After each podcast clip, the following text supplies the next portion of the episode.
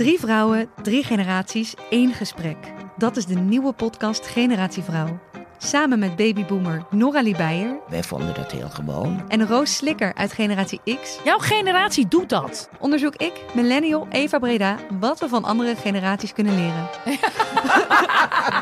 Iedere vrijdag een nieuwe aflevering op Flair, Libelle of margriet.nl slash podcast. In december 2020 wordt het dorpje Halsteren opgeschrikt door een plotseling overlijden. Dat was echt een donderslag bij heldere hemel. De dood van geliefd supermarktondernemer Chris Ginwis. Chris is dood. Ik zeg, Chris is dood. Ah joh, dat kan niet. Al snel vinden mensen in het dorp en de politie de omstandigheden verdacht. Ze denken dat Chris vergiftigd is door zijn kerstverse vriendin Yvonne K. Als de politie gelijk heeft, al- althans wat zij denken dat er is gebeurd, dan heeft hij wel zeg maar eh, de duivel binnengehaald. Ze zou uit zijn op zijn erfenis. Als het klopt, hè, dan eh, ja, een engel des doods. Maar het politieonderzoek heeft een valse start.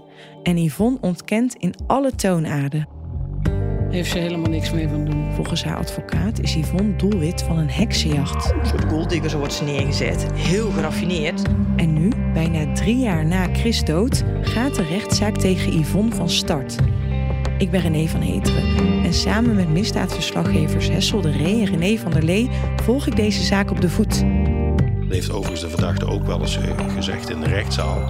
Zo'n script kunnen ze in Hollywood niet bedenken. Ik zit hier gewoon in, in een film die niet de mijne is. In die zin is het een eh, tragedie. Luister de gifdoden op de sites van B en de Stem, Brabants Dagblad, het AD en alle aangesloten regionale dagbladen.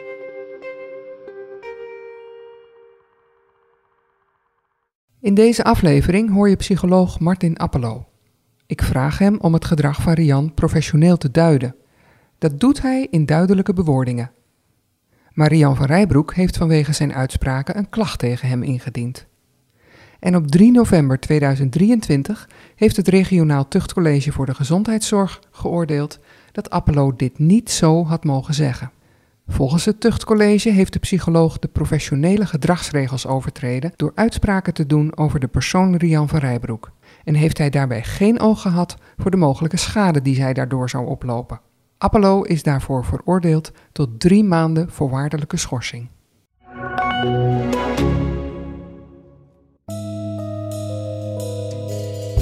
Het zal je maar overkomen. Je bent ondernemer en ondanks de financiële crisis draait je interieurbouwbedrijf goed. Maar van de ene dag op de andere gebeuren er rare dingen. Je compagnons gooien jouw bouwplannen in de prullenbak. Ze hebben ineens hitsige gesprekken over hun seksuele veroveringen. Dat is normaal niks voor hen. En dan komen ze op een dag uit het niets met een verbijsterend financieel rapport over je bedrijf.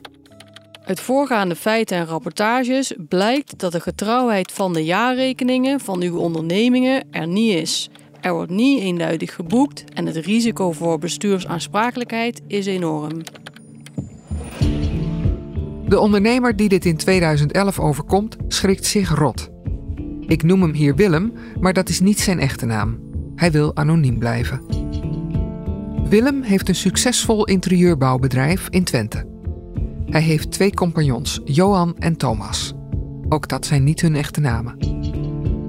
Niet lang nadat Johan en Thomas zich zo vreemd beginnen te gedragen, ontdekt Willem dat ze buiten hem om een financieel expert hebben ingehuurd. Ze heet Rian van Rijbroek. En wat zij ontdekt is onthutsend.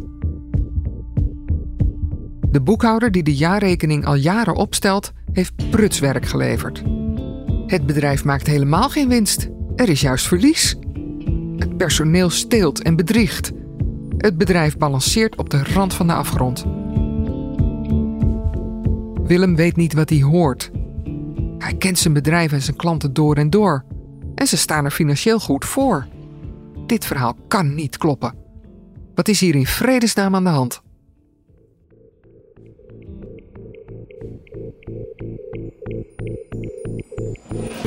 Dit is In de Ban van Rian, een podcast van Tubantia, het AD en de regionale dagbladen. Mijn naam is Angelique Kunst en ik ben onderzoeksjournalist. Al ruim drie jaar publiceer ik over deze Rian van Rijbroek en haar geruchtmakende relatie met haar bekendste slachtoffer, zakenman Gerard Sanderink. Rian is een vrouw met veel gedaante. Van fotomodel tot geheim agent en van superhacker tot Fiat-specialist. Maar wie is ze nou echt? Waarom doet ze wat ze doet? En hoe kan ze al jaren zoveel mensen misleiden? In deze podcast zoek ik het antwoord op die vragen.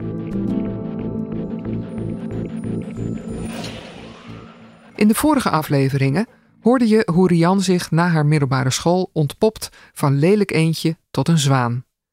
Ze krijgt een relatie met de welgestelde ondernemer Frits, die haar laat proeven van een luxe leven. Maar die relatie loopt stuk als Frits ontdekt dat ze vreemd gaat. Hij vindt pikante foto's van haar met Johan. Juist ja, dat is de compagnon van die interieurbouwer Willem over wie ik je net vertelde. Willem weet dus niet wat hem overkomt als hij Rians rapportage leest. Zijn goedlopende bedrijf wordt met de grond gelijk gemaakt. Natuurlijk wil hij precies weten wat hier aan de hand is. Op een vrijdagavond gaat hij naar kantoor om de server op te halen. Hij wil onderzoek doen en bestanden veiligstellen, want hij vertrouwt het zaakje niet. Op zondagavond brengt hij de server terug naar kantoor. Nog voor Willem weer thuis is van zijn ritje naar kantoor, heeft hij mail van zijn compagnon Johan. Die beschuldigt hem van diefstal en schrijft dat de server kapotgeslagen in de hal van het bedrijf ligt. Willem snapt er niks van. Hij heeft niks kapot gemaakt. En hoe weet Johan überhaupt dat hij op kantoor was? Het was avond, het was donker. Er was helemaal niemand op kantoor. Wordt hij soms bespioneerd? Hierna gaat het snel. Rian verspreidt geruchten over fraude in het bedrijf. Tegen de lokale Rabobank zegt ze dat de onderneming op omvallen staat. De bank trekt meteen aan de rem en stopt de financiering. Nog geen acht weken later zijn de interieurbouwers failliet. En achteraf blijkt het allemaal voor niets te zijn geweest. Accountants van Deloitte checken de boekhouding nog een keer en ontdekken dat Rians rapportage van geen kanten klopt. Sterker nog, het is juist Rian die van de administratie een enorme puinhoop heeft gemaakt. Maar dan heeft Rian de buit al binnen. Ze heeft bijna 100.000 euro gedeclareerd voor haar werkzaamheden en die zijn keurig op haar rekening gestort. Zij kan verder met haar leven. Willem niet. Het kost hem jaren om een nieuw bedrijf op te bouwen en zijn leven weer op orde te krijgen. En Johan komt er nooit meer helemaal bovenop. Hij had een affaire met Rian. De foto's die van hun tweetjes zijn opgedoken zijn pikant. Rian zit bij hem op schoot. Hij is naakt en zij draagt een spannend zwart pakje. Ze zoenen en haar haren zwieren wild om haar hoofd. Over die foto's is de afgelopen jaren veel gespeculeerd door mensen die ze hebben gezien. Vorig jaar werd er zelfs één op Twitter gezet met daarbij deze theorie. Rian zou haar slachtoffers stiekem fotograferen en hun daarna met de beelden chanteren. Dat klinkt allemaal heel spannend, maar ik heb daar geen bewijs voor kunnen vinden. Ik heb een hele serie van deze intieme foto's van Johan met Rian in handen gekregen. En als je die bestudeert, dan zie je dat ze beslist niet stiekem met een geheime camera zijn genomen. Johan kijkt vrolijk in de lens. Je kunt zien dat hij weet dat hij gefotografeerd wordt. En de foto's zijn steeds uit een iets ander standpunt genomen. Niet met een camera die op één plek vastzit. Daardoor lijkt het zelfs alsof de foto's zijn genomen door een derde persoon. Ik heb Johan benaderd over de foto's en zijn relatie met Rian. Hij wilde er niet over praten. Maar een oude zakenrelatie van hem vertelde dat de beelden rond 2012 op grote schaal zijn verspreid onder Johans familie, vrienden en zakelijke relaties. Wie dat deed, is tot de dag van vandaag een mysterie. Johan zei zelf destijds dat het niet Rian was die hem dit aandeed. Evengoed verwoestte dit gênante mailbombardement zijn leven. Johan heeft daarna een zeiljacht gekocht en is uit Nederland vertrokken. Hij vaart nog altijd de wereld rond. Ik weet niet hoe het met jou zit, maar hoe meer ik over Rian te weten kom, hoe nieuwsgieriger ik word naar haar psyche. Ik zou haar dolgraag willen vragen waarom ze doet wat ze doet, wat haar drijft. Gelooft ze zelf wat ze zegt? Maar helaas, Rian weigert elk contact met mij. Daarom ga ik te raden bij Martin Appelo. Hij is psycholoog en gedragstherapeut en heeft decennia ervaring in GGZ-instellingen, klinieken en zijn eigen praktijk aan huis.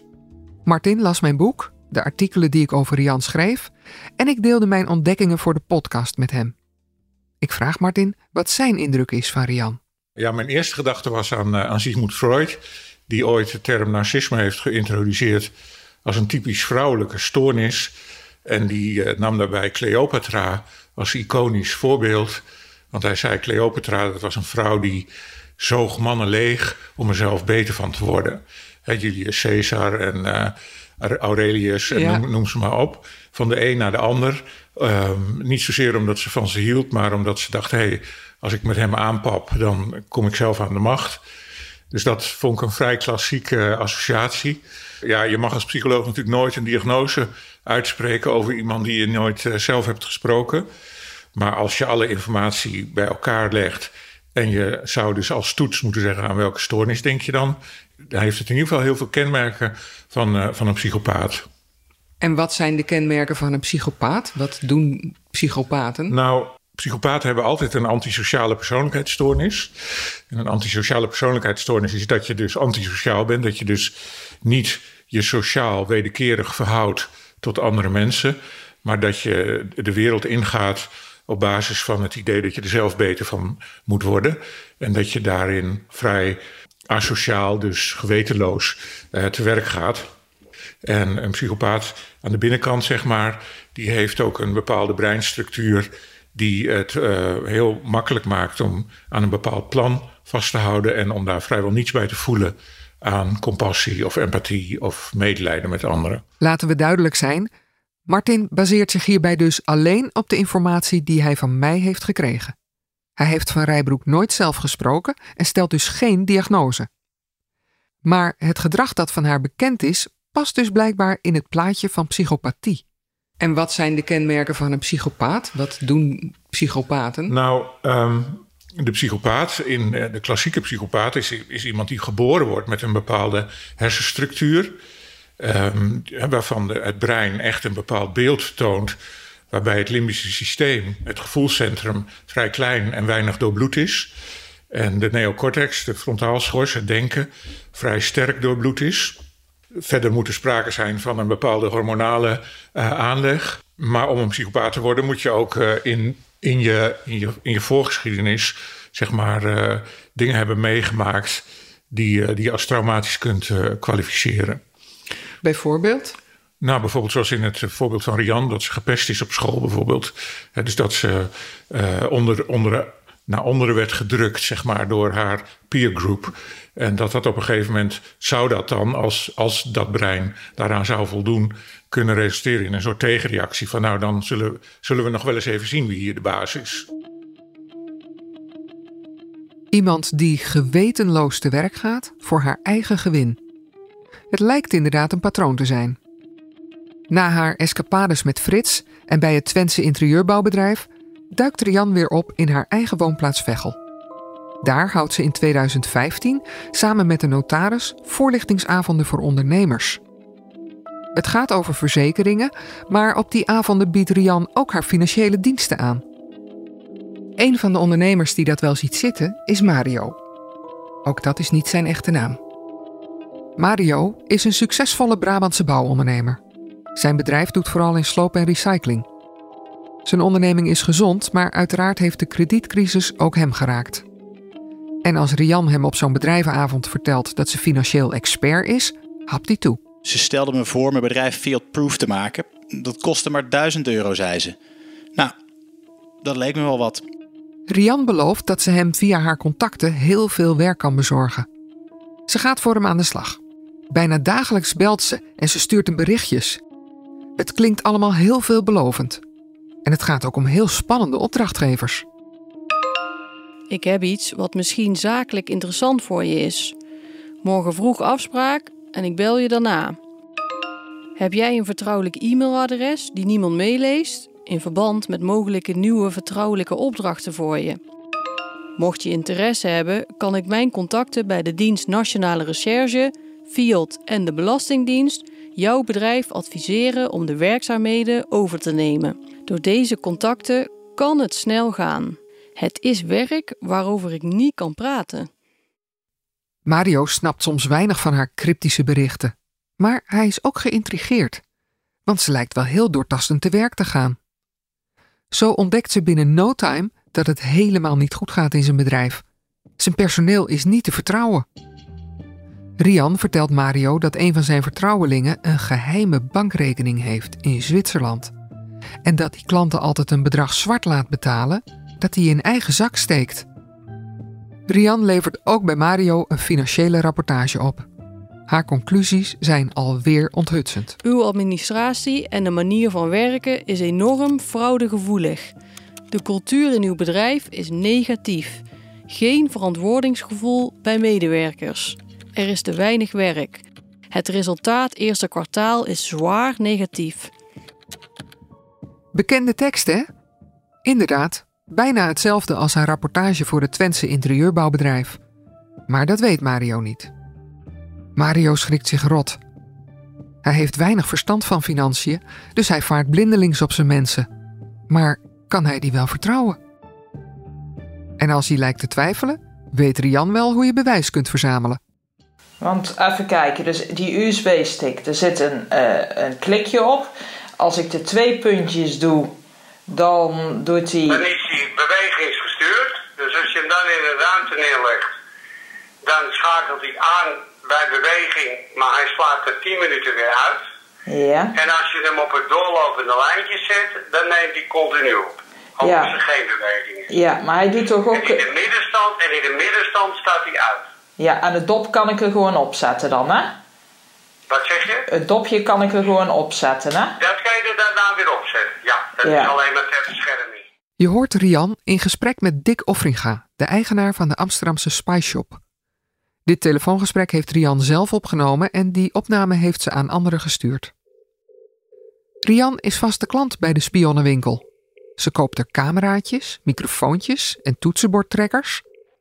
Die gebruikt ze om te spioneren in de bedrijven waar ze werkt. Weet je nog dat interieurbouwer Willem betrapt werd toen hij de server ophaalde? Hij is er nog altijd van overtuigd dat daar ergens een geheime camera moet hebben gehangen. Voor Mario regelt Rian een minuscuul opnameapparaatje dat hij kan verstoppen in zijn kantoor. Daarmee kan hij ongemerkt opnemen wat zijn personeel bespreekt als hij er niet bij is. Ze halen het samen op in Amsterdam. Appjes van 7 mei 2015. Hij werkt en het is heel simpel. Niet een computer, ergens dicht neerleggen, naar beneden klikken, na een minuut neemt hij op. Zal je straks wel laten horen, dan kun je horen hoe crimineel jullie zijn. Mario maakt zich zorgen. Waar gaat dit heen als hij zijn eigen mensen niet eens kan vertrouwen? Rian vertrouwt hij wel. Maar hoe zit het met al die lucratieve klussen die ze hem belooft? Er is nog steeds geen echte opdracht uitgekomen. Naast Apple, de politie, Rabobank en het warenhuis V&D zegt Rian ook contacten te hebben bij bouwbedrijf Structon. Ken je hem? Zit hij op financiën? Nee, hij is van de overheid. Daar kreeg ik veel projecten van en hij belde zojuist om te gaan lunchen bij Sanka Teppanyaki in Amsterdam. Ik heb met hem projecten ministerie Financiën, Binnenlandse en Buitenlandse Zaken gedaan. Nou, die ken ik niet. Hij werkt voor zichzelf, maar is dé man voor projecten overheid en Structon. En even later appt ze. De heren Sanderink en Van der Nat Structon vragen of je projecten in Saoedi-Arabië en Dubai aan kunt. Ik moet maandag iets aan de heren geven. Ze zeggen dat ze daar voor elke prijs zaken met me doen. Ja, ik weet het ook niet. Dit is heel interessant. Het is 2015 en Rian beweert hier dus dat ze contact heeft gehad met Gerard Sanderink over een project in Saoedi-Arabië. Is dat zo? Of bluft ze dit? Opmerkelijk is wel dat Sanderink toen inderdaad al heel druk was om met zijn bouwbedrijf Structon een nieuwe metro aan te leggen in Riyadh, de hoofdstad van Saoedi-Arabië. Maar Sanderink zelf heeft jaren later beweerd dat hij Rian pas leerde kennen in augustus 2018. Hoe dat precies zit, blijft onduidelijk. Ik vraag me ook af wie die directeur van Structon is, over wie Rian het in de eerste app heeft. Is dat Eike Schoots, de topman met wie ze later zo'n innige zakelijke relatie kreeg? Hij haalde haar in 2018 tenslotte binnen om cyberonderzoek te doen bij Structon. Dus blijkbaar kenden ze elkaar toen al. Even terug naar Mario. Na een paar maanden ziet hij in dat Rian bluft. Ondanks alle grote verhalen, mooie beloftes en de indrukwekkende namen die ze noemt, blijven de opdrachten uit. Zijn beste werknemers zijn vertrokken. De administratie blijkt een grote puinhoop. Hij gooit haar eruit. En dat komt hem duur te staan. Nog maandenlang gaat hij gebukt onder de lastercampagne die ze tegen hem voert. Ze vertelt zijn zakelijke relaties dat hij schulden heeft, stuurt vertrouwelijke bedrijfsadministratie naar zijn concurrenten en suggereert dat hij in de wiethandel zit. En dat blijft niet zonder gevolgen. Op een dag valt de politie binnen bij Mario's bedrijf. Er wordt niks gevonden, maar het hele dorp gonst van de geruchten.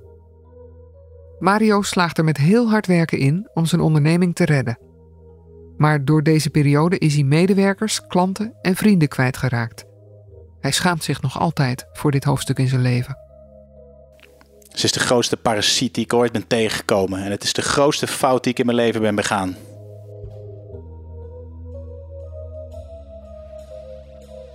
Hoe kan het dat een nuchtere, hardwerkende zakenman als Mario zich zo laat beïnvloeden? Ben je dan heel naïef? Of is er iets anders aan de hand? Het is niet toevallig dat Rians slachtoffers vaak mannen zijn die ergens een kern van onzekerheid in zich hebben. Goede vakmannen, nuchtere denkers, maar met een zwakke plek die Rian feilloos weet te vinden. Ze heeft Mario bijvoorbeeld bang gemaakt. Bang voor de Fiat. Bang voor zijn eigen medewerkers. Bang dat zijn bedrijf kopje ondergaat. En angst is een machtig wapen. Psycholoog Martin Appelo legt uit hoe dat werkt. Zo lok je iemand psychologisch in wat we dan het Stockholm-syndroom noemen. dus dat je eigenlijk zo bang bent voor je dader dat je, dat je hem gaat adoreren. En door hem te adoreren hoop je dat hij je niks aandoet. Maar die dader moet wel angst blijven zaaien om die cyclus in gang te houden. dus je zou kunnen zeggen dat wat zij psychologisch veroorzaakt bij haar vermeende slachtoffers is het Stockholm-syndroom. Hoe kun je hier een eind aan maken? Um, mensen die het minst gevoelig zijn voor dit soort praktijken zijn mensen die zelf ook een hoge narcisme-score hebben en een hoge psychopathie-score. want um, mensen met een narcistische uh, persoonlijkheid of met een uh, antisociale persoonlijkheid, die zijn redelijk ongevoelig voor de druk die anderen op hun leggen. Hè? De beroemde Milgram-experimenten in de psychologie, waar mensen onder, onder druk van een autoritaire proefleider moeten doorgaan met het geven van een schok aan een proefpersoon. En waar twee derde van de mensheid doorgaat tot een, tot een uh, gefingeerde dodelijke schok, hebben we ons natuurlijk in de psychologie afgevraagd: wie zijn nou die mensen die niet doorgaan met het geven van die schok? En we dachten vroeger, nou, dat zijn vast mensen die uh, op de Dalai Lama hebben gestemd of, of mediteren op compassie. Maar het blijken gewoon de narcisten te zijn die het gewoon leuk vinden om zo'n proefleider te weerstaan. En die niet resoneren op die druk. Zo van, ja, jij vertelt mij helemaal niks. Ik ga jou helemaal niet volgen. Er is ook nog een ander type dat niet zo gevoelig is voor de tactieken die Rian gebruikt. Dat zijn de zogeheten veilig gehechte mensen. Martin legt uit dat dit mensen zijn die in hun jeugd door beide ouders geaccepteerd en erkend zijn. Daardoor kregen ze een stabiele basis om het leven aan te kunnen. Zij laten hun primitieve reptiele brein niet activeren door iemand als Rian. Mensen die heel veilig gehecht zijn en in een rustige situatie zitten, daarbij speelt het oerwoud niet op. Die laten zich ook niet snel seksueel intimideren. Want die denken gewoon, ja, daar ga ik echt niet aan beginnen, want dat geeft gedoe. Want ik ben gewoon getrouwd en dat wil ik niet op het spel zetten. En die blijven rustig. Die neocortex wordt maximaal doorbloed. En die horen dingen die niet kloppen. En die denken, ja, nee, dat kan, het is niet goed. En die nemen dan een rationele beslissing. Die nemen dan een rationele beslissing. dus de, de veilige, hechte, rustige mensen, de andere psychopaten en de andere narcisten, die moet je daartegen inzetten. Bij zulke mensen hebben Rians manipulaties geen effect. Die hebben haar meteen door. En zo iemand heeft Mario ook in zijn bedrijf. Een voormalig luchtmachtofficier die binnen het leger communicatietrainingen deed. Al op de eerste dag dat Rian aanschuift, maakt hij een dodelijke analyse van haar gedrag. Hij mailt Mario. Zo kleineert ze de mensen aan tafel. Elke actie, plan of voorstel van een ander wordt zonder verdere informatie op te vragen direct beoordeeld en veroordeeld. Daarnaast gebruikt ze heel slim ideeën van een ander door ze even later in haar eigen mening in te voegen. Ze heeft een gesprekstechniek gebaseerd op overrompeling zo lang doorpraten dat alle mogelijke tegenargumenten al weerlegd zijn. Binnen Defensie noemden we zo iemand een ongeleid projectiel. Maar Mario luistert niet naar hem. En voor Rian is die tegenwerking juist reden om haar inspanningen op te voeren. Ze gaat nog harder haar best doen om Mario te overtuigen van haar gelijk. Dat is een heel, heel illustratief kenmerk van psychopathie. En dus het past helemaal, als het dat zou zijn, past het helemaal in het beeld. Want de, een psychopaat resoneert niet emotioneel op de reactie van anderen. Die blijft gewoon totaal in zijn eigen stramien. Maar is dat omdat uh, zo iemand dat ook werkelijk gelooft? Of is zo iemand, weet hij zelf donders goed dat het niet waar is, maar houdt hij stug vol? Nou, kijk, als jij getrouwd bent met iemand waar je heel gek op bent. en je gaat op een gegeven moment roepen: van jij bent de enige voor mij. of je bent de ware voor mij. en je gaat dat uh, eindeloos herhalen. ga je er op een gegeven moment ook nog in geloven ook.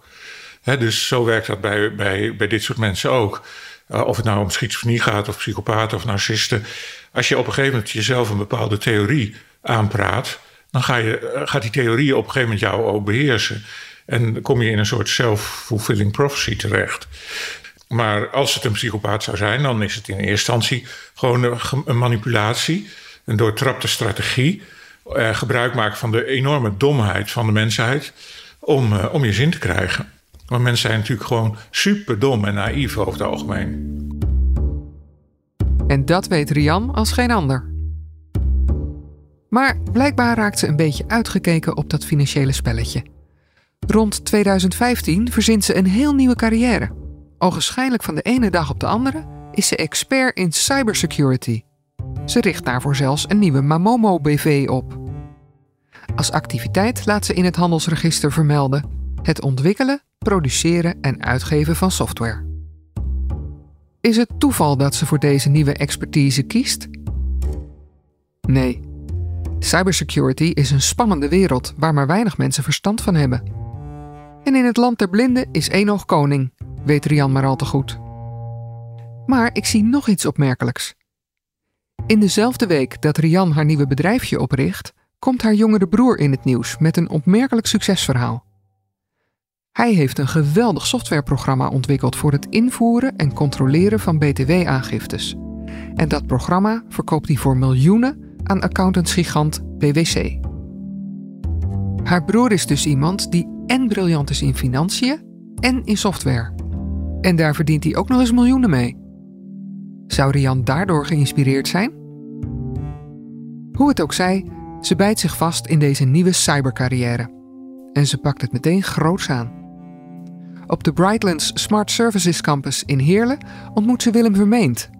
En tot ieders verbazing blijkt ook deze oud-minister heel gevoelig voor Rians tactieken. Dit was de derde aflevering van In de Ban van Rian. In de volgende aflevering hoor je hoe Rian naam probeert te maken in de wereld van de cybersecurity. En met groot succes. Ze slaat uiteindelijk Gerard Sanderink aan de haak, multimiljonair en de baas van Nederlands belangrijkste ICT-bedrijf, Centric. In de Ban van Rian is een podcast van Tubantia, het AD en de aangesloten regionale dagbladen. Ik ben Angelique Kunst en ik ben onderzoeksjournalist bij Tubantia. Ik maak deze podcast met René van Heteren. Eindredactie deed Kevin Goes. Muziek en mixage is van Art Kok. Dank aan Elke van Boksmeer, Sander de Heer en Sander Denneman. Alle afleveringen verschijnen op tubantia.nl, ad.nl slash podcasts, de sites van de regionale dagbladen en alle andere plekken waar je podcasts vindt. Nog even dit. Ik heb voor mijn boek, artikelen en deze podcast tientallen bronnen gesproken en honderden e-mails, appjes en andere documenten doorgespit. Voor deze podcast hebben we gebruik gemaakt van originele fragmenten van interviews met betrokkenen. E-mails en andere berichten hebben we laten voorlezen door stemacteurs. Niet alle bronnen wilden met hun eigen stem in de podcast. Ook in die gevallen hebben we gekozen voor stemacteurs. Uiteraard hebben we zowel Rian van Rijbroek, Gerard Sanderink als Willem Vermeend de gelegenheid gegeven te reageren. Helaas willen ze dat niet.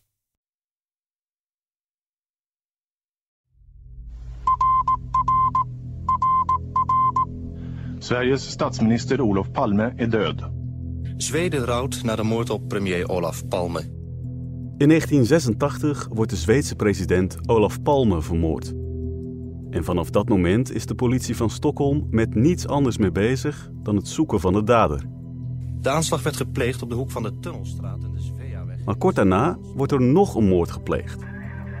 Eentje die door deze massale klopjacht veel minder aandacht krijgt.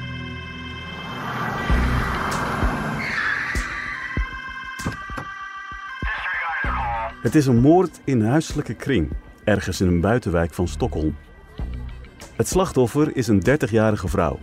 De dader, haar stiefzoon Samir Sabri.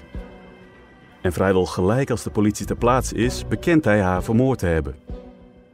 Maar kort daarna komt Samir terug op zijn bekentenis. Hij is onschuldig, zo zegt hij. Klopt het wat Samir beweert? Is hij echt onschuldig? En als hij de moord niet pleegde, wie dan wel? Je hoort het in de stiefmoedermoord.